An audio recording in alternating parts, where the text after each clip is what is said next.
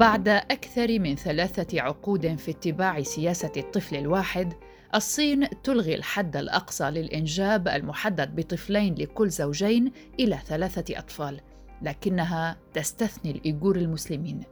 هذه حلقة جديدة من بودكاست في عشرين دقيقة، أهلا بكم معكم براء صليبي.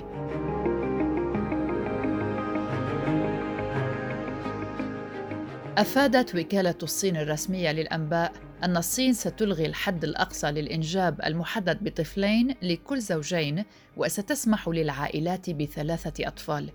يذكر أن هذه التغييرات القانونية جاءت بعد سياسة الطفل الواحد التي أقرت بشكل حازم اعتباراً من عام 1980 ما يعني أن الصين طبقت سياسة الطفل الواحد منذ أكثر من أربعين عاماً لمعالجة زيادة السكانية وتخفيف حدة الفقر. لكن مع تقدم السكان في السن بدأت بكين في تخفيف سياساتها بشكل متواتر وبات بإمكان العائلات إنجاب أكثر من طفل اعتبارا من عام 2013 بحال كان أحد الأبوين طفلا وحيدا من ثم تم التعديل على القانون في العام 2015 لتسمح بإنجاب طفلين لكل عائلة. القرار الأخير أي السماح بإنجاب ثلاثة أطفال للعائلة الواحدة جاء بعد بضعة أسابيع من نشر نتائج التعداد العشري الأخير التي كشفت عن تراجع حاد لمعدل الولادات في البلد الأكثر تعدادا للسكان في العالم. وفي بداية مايو أيار الجاري كشفت نتائج تعداد سكاني أجري عام 2020 كشفت تسارعا أكبر في التوقع للشيخوخة في المجتمع الصيني. والعام الماضي الذي اتسم بوباء كوفيد 19 انخفض عدد المواليد إلى 12 مليونا مقارنة مع أكثر من 14 مليونا عام 2019 حين كان معدل المواليد 10.48 لكل ألف وهو أدنى مستوى له منذ تأسيس الصين الشيوعية عام 1949 في المقابل كان في الصين أكثر من 264 مليون شخص تبلغ أعمارهم 60 عاماً وما فوق العام الماضي أي أربعة أضعاف عدد سكان فرنسا. وتشكل هذه الفئة العمرية حالياً 18.7% من إجمالي عدد السكان بزيادة مقدارها 5.44 نقطة مئوية عن تعداد العام 2010 ومن جهة أخرى يمثل السكان في سن العمل أي بين الخمسة عشر إلى تسعة وخمسين عاماً يمثل 63.35% من إجمالي عدد السكان بانخفاض من 6.79 خلال عشرة أعوام. في حلقة اليوم معنا ضيفان أستاذة العلوم السياسية دكتورة نهى بكر وأستاذ العلوم السياسية دكتور عارف العبيد. سألنا أولا دكتورة نهى هل يمكن اعتبار هذا القرار اعترافا بخطأ أم هي سياسة تتبعها الصين؟ ليس خطأ هم وصلوا آه. إلى ما يريدون وهم الآن يفتحون الباب بعد أن وصلوا إلى النتائج م. التي يريدونها رغم أن الإعلام كله يتحدث عن م. أن ذلك أن السياسة كانت خاطئة ولكن أعتقد أنهم بوصولهم إلى هدفهم أصبحوا أكثر قدرة على التكيف وعلى فتح الباب للسكان لزيادة عدد السكان أما الاستمرار على الحال ما كان عليه في 1980 كان سيوصلهم إلى انفجار لن يستطيعوا أن يصلوا به إلى التطور الاقتصادي الذي مكنه أيضا من أن يكون لهم دور أكبر على مستوى العالم.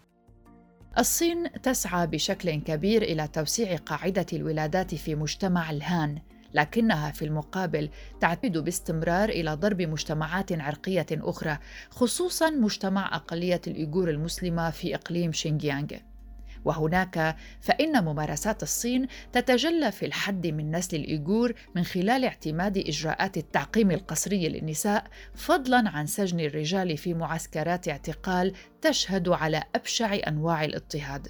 ما معنى ذلك؟ دكتور عارف العبيد سيجيبنا.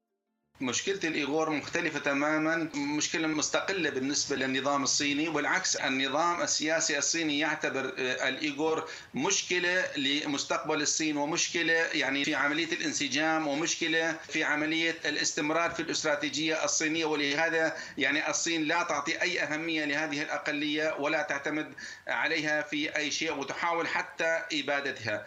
النظام في الصين هو نظام يعني شمولي بالمقابل لديه استراتيجية مستقبلية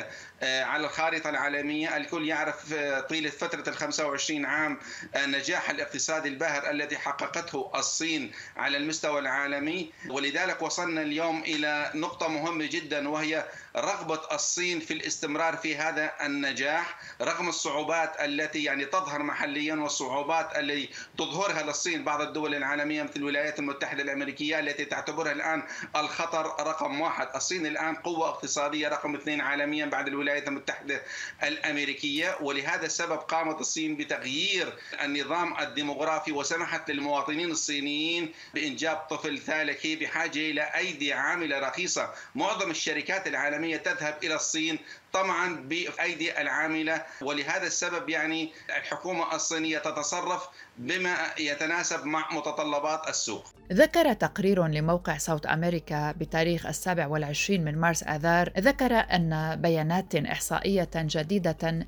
كشفت عن آثار الإبادة التي تمارسها الصين ضد أقلية الإيغور المسلمة في شينجيانغ والتي تعاني من الاضطهاد والقمع. ووفقا للموقع الأمريكي فإن البيانات هذه برزت في الكتاب الإحصائي السنوي الصيني 2020 والذي أعده المكتب الوطني للإحصاء. وفعليا فإن المعطيات التي تقدمها الأرقام تؤكد تماما على نهج الصين في شن حملة إبادة جماعية ضد أقلية الإيغور في البلاد. وتشير البيانات إلى أن معدل المواليد في شينجيانغ عام 2019 بلغ 8.14 مولودا لكل ألف شخص فقط. علما أن في العام 2017 كان معدل المواليد 15.88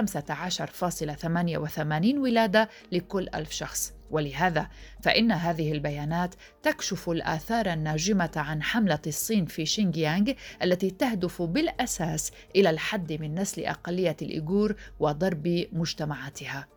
وبشكل عام فإن معدل المواليد كان يتراجع في الصين لأسباب عديدة، غير أن التراجع في شينجيانغ كان أكبر بكثير من المعدل الوطني، وإلى جانب ذلك فإن الأمر الذي لا يمكن إغفاله أبدا هو أن ما يبرز في شينجيانغ من تراجع في عدد المواليد يؤكد كل التقارير التي تحدثت عن التعقيم القسري لنساء الإيغور ودفعهن إلى الإجهاض واعتماد وسائل منع الحمل، وذلك للحد من تكاثر مجتمع الإيغور. سألنا هنا دكتورة نهى بدر كيف يمكن فهم سلوك الدولة الصينية تعقيم الإيغوريات واتباع سياسات غير إنسانية بإجبارهن كما ذكرنا على منع الحمل أو حتى على الإجهاض؟ اسمحي لي اولا أن أعطي خلفية للسادة المشاهدين عن الإيغور، نحن نتحدث عن 11 مليون آه، إنسان في منطقة شينجيانغ. بالإضافة إلى واحد وستة من عشرة مليون في آه، إيغور الشتات في العالم حول العالم. الإقليم شينجيانغ الذي يتمركز فيه الإيغور آه، هو إقليم يجاور الهند وباكستان ومنغوليا وأصولهم من تركيا. هم يختلفون عن باقي السكان من حيث أنهم يدينون بالديانة الإسلامية بل ويظهرون ذلك في إطلاق اللحى والنقاب. وهو ما يرفضه الصينيين ويطلبون منه أن يندمجوا مع المجتمع الصيني. هناك تقارير متعددة من من المنظمات الحكومية بل وهناك إدانة أيضا من الأمم المتحدة من مفوضية الأمم المتحدة بشأن ما ذكرتيه بالإضافة إلى آه، أيضا آه، معسكرات اعتقال أو معسكرات لإعادة التأهيل لمحو الهوية الإيغورية. كل ذلك يدان به آه، الصين ولها أيضا ردود الصين في ذلك الشأن. قد تراها جزء من سياستها الداخلية قد تراها جزء من منع انفصال آه، أو محاولات لانفصال آه، اقليم شينجيانغ آه، كل له وجهة نظر وكل له رؤيته وكل يأتي بحججه في هذا الشأن. أيضا نجد أن هناك دولة مثل الولايات المتحدة الأمريكية أيضا قد أدانت بعض الشخوص وأصدرت عقوبات عليهم من الصين بسبب هذا الشأن. ولكن إلى أي مدى هناك تدخل سياسي لتضخيم الصورة؟ للأسف دول مثل الصين يكون هناك قليل من القدرة على مراقبة الوضع والشفافية في هذا الشأن. الصين تستشعر الخطر الكبير والقلق من النمو المرتفع للأقليات العرقية مقارنة بسكان الهان على الرغم من أن الأقلية العرقية لا تزال تشكل أقل من 9% فقط من إجمالي سكان جمهورية الصين الشعبية وذلك وفقا لجوان سميث فينلي خبيرة الشؤون الصينية بجامعة نيوكاسل البريطانية. ورأت فينلي أن الحزب الشيوعي الصيني يريد المزيد من أطفال الهان بدلاً من أطفال الأقليات العرقية لدعم دولة الأغلبية الهانية. وبالعودة إلى القرار الجديد وأسبابه، كيف وصلت الصين إلى هذا العدد الكبير من المسنين أو حتى يمكن وصفها بمجتمع يعاني من الشيخوخة بينما كانت تسير بأمر مدروس؟ ولماذا تأخرت طالما هي تعمل ضمن خطة مدروسة؟ لماذا تأخرت في إصدار تقريرها؟ دكتور عارف العبيد سيجيب. يعني حسب علم الأحصاء عندما الدولة الصينية سمحت فقط للصينيين بإنجاب طفل واحد فكان شيء طبيعي جدا أن تصل الصين إلى هذه المرحلة من الشيخوخة وأن تصل بنفس الوقت إلى نوع معين من الرفاهية الغير معتادة للمجتمع الصيني. ولكن هذا العامل الأول عامل الشيخوخة وعامل الرفاهية آه، له ثمن باهظ هو ارتفاع الأجور على سبيل المثال آه، ثانيا آه، سيؤدي إلى تقليص هذه الاستراتيجية الصينية التي تحاول جميع الحكومات الصينية الاستمرار بها مهما كلف الثمن ولهذا السبب يعني آه، أشارت هذه الدراسات إلى ضرورة يعني فتح الباب من أجل إنجاب ثلاثة أطفال والاستمرار بنفس الاستراتيجية وزيادة النفوذ الصيني في بقاع الأرض. مجرد إخبار الأشخاص أنه يسمح لهم بإنجاب المزيد من الأطفال قد لا يكون بمفرده كافيا لمعالجة الأزمة الديمغرافية، فقد انخفض معدل المواليد في الصين بنسبة 15% تقريبا على أساس سنوي في عام 2020 لم يبدي الصينيون أي حماس على وسائل التواصل الاجتماعي الصينية في إعقاب إعلان ذلك. كانت أسباب عدم الرغبة في إنجاب طفل ثالث أو أي طفل من بين الموضوعات الأكثر شيوعا على ويبو وهي منصة وسائط اجتماعية تشبه تويتر في الصين. لذلك كان هناك كثير من المقترحات التي تقدم بها الحزب الشيوعي لحل مشكلة الديمغرافية أو لإعادة خلق تغيير في ثقافة أبناء الصين حول الإنجاب. ماذا كان رأي دكتورة نهى بذلك؟ لا أرى الأزمة التي يعني هناك محاولة أو هناك وجهة نظر أننا أمام أزمة. فالسكان في سن العمل في الصين يمثلون 63.3 من إجمالي السكان. ما وجدته الصين أن ال 63% هذه هو يعني انخفاض بنسبة 6 المية أو 6.7% عن ما سبق. لذا عدلت من سياستها ولكن الصين حين وضعت سياسة الطفل الواحد وسياسة الطفلين كانت هنا تجبر وأدى ذلك إلى تغيير ثقافة، يعني إذا نظرت الآن ستجدي أن الشعب الصيني نفسه لا يسعى إلى عدد الإنجاب الكبير، تم م. تغيير ثقافته وهويته في هذا الأمر. م. هناك أيضا التغيير الدولي والذهني أدى إلى أن المرأة أصبحت أكثر طموحا في العمل مما يجعلها لا تريد مزيد من الإنجاب، فأنا لا أراها أزمة. لا أعتقد أنها م. ستساعد الجميع ولا أعتقد أننا سنرى أسر كلها م. من الثلاث أطفال ولكن أعتقد أننا جزئيا ستأتي بنتيجة جزئية ستكون مرضية للتوازن الديموغرافي الذي ترغبه الصين بعض المختصين كان لهم رأي بأن هذه الخطوة كان ينبغي أن تأخذها الصين قبل خمس سنوات على الأقل وضيفنا دكتور عارف له رأي في ذلك إذا آه، نظرنا إلى عدد سكان الصين الكبير لا نستطيع الحزم بأنه آه، لقد فات الأوان. ولكن آه، باعتقادي أنا يعني ربما لدي لدي وجهة نظر مختلفة تماما وأنظر إلى الأمور من منظور مختلف تماما. الصين الآن تحاول أن تواجه التحديات الكبيرة التي تواجهها. الآن على سبيل المثال أعطيك الولايات المتحدة الأمريكية نقلت يعني وزن نفوذها من منطقة الشرق الأوسط إلى الصين تنظر إلى الصين على أنها التحديد رقم واحد للمصالح القومية الأمريكية. وإذا نظرنا إلى الصين يعني أعطيك مثلا قبل خمس سنوات تم رفع سعر النفط في فصل الصيف. وقامت الصين يعني قدرة الصين الشرائية الشهرية كانت 10 مليارات دولار. دفعت الصين 20 مليار. اذا هناك يعني حرب لا مباشره ضد المصالح الصينية. وتحاول الصين الآن أن تواجه جميع التحديات القادمة من الولايات المتحدة الأمريكية من الاتحاد الأوروبي وغير ذلك من خلال تقوية نفوذها. الصين ما زالت قوة صاعدة اقتصاديا وعامل تهديد قوي للمصالح يعني مصالح الاقتصادية العظمى للدول العظمى مثل الولايات المتحدة الأمريكية. قرار الصين السماح للمواطنين بإنجاب المزيد من الأطفال هو محاولة لتفادي نقص العمالة المتفاقم الذي يمكن أن يؤثر سلبا على اقتصاد البلاد وفقا سي إن إن. يهدف التغيير في سياسة البلاد للسماح بإنجاب ثلاثة أطفال بدلا من طفلين الذي تم الإعلان عنه يوم الاثنين أي في الحادي والثلاثين من مايو أيار يهدف إلى تحسين الهيكل الديمغرافي للصين والتعامل مع شيخوخة السكان والحفاظ على موارد بشرية وفيرة لثاني أكبر اقتصاد في العالم وفقا لما ذكرته الدولة. تمثل هذه الخطوة تحولا كبيرا بالنسبة للصين التي خففت منذ ست سنوات فقط من سياسة الطفل الواحد طويلة الأمد. لكن الضغط يتزايد منذ ذلك الحين. وقبل أسابيع فقط أبلغت الصين عن انخفاض مقلق في قوتها العاملة حيث حذر الاقتصاديون من أنه قد يحد من النمو الاقتصادي. فهل الصين أقرب إلى السيناريو الذي حدث في كوريا الجنوبية أو اليابان فيما يخص انخفاض عدد السكان، زيادة عدد الشيوخ وقلة الشباب، ما يعني قلة الأيدي العاملة.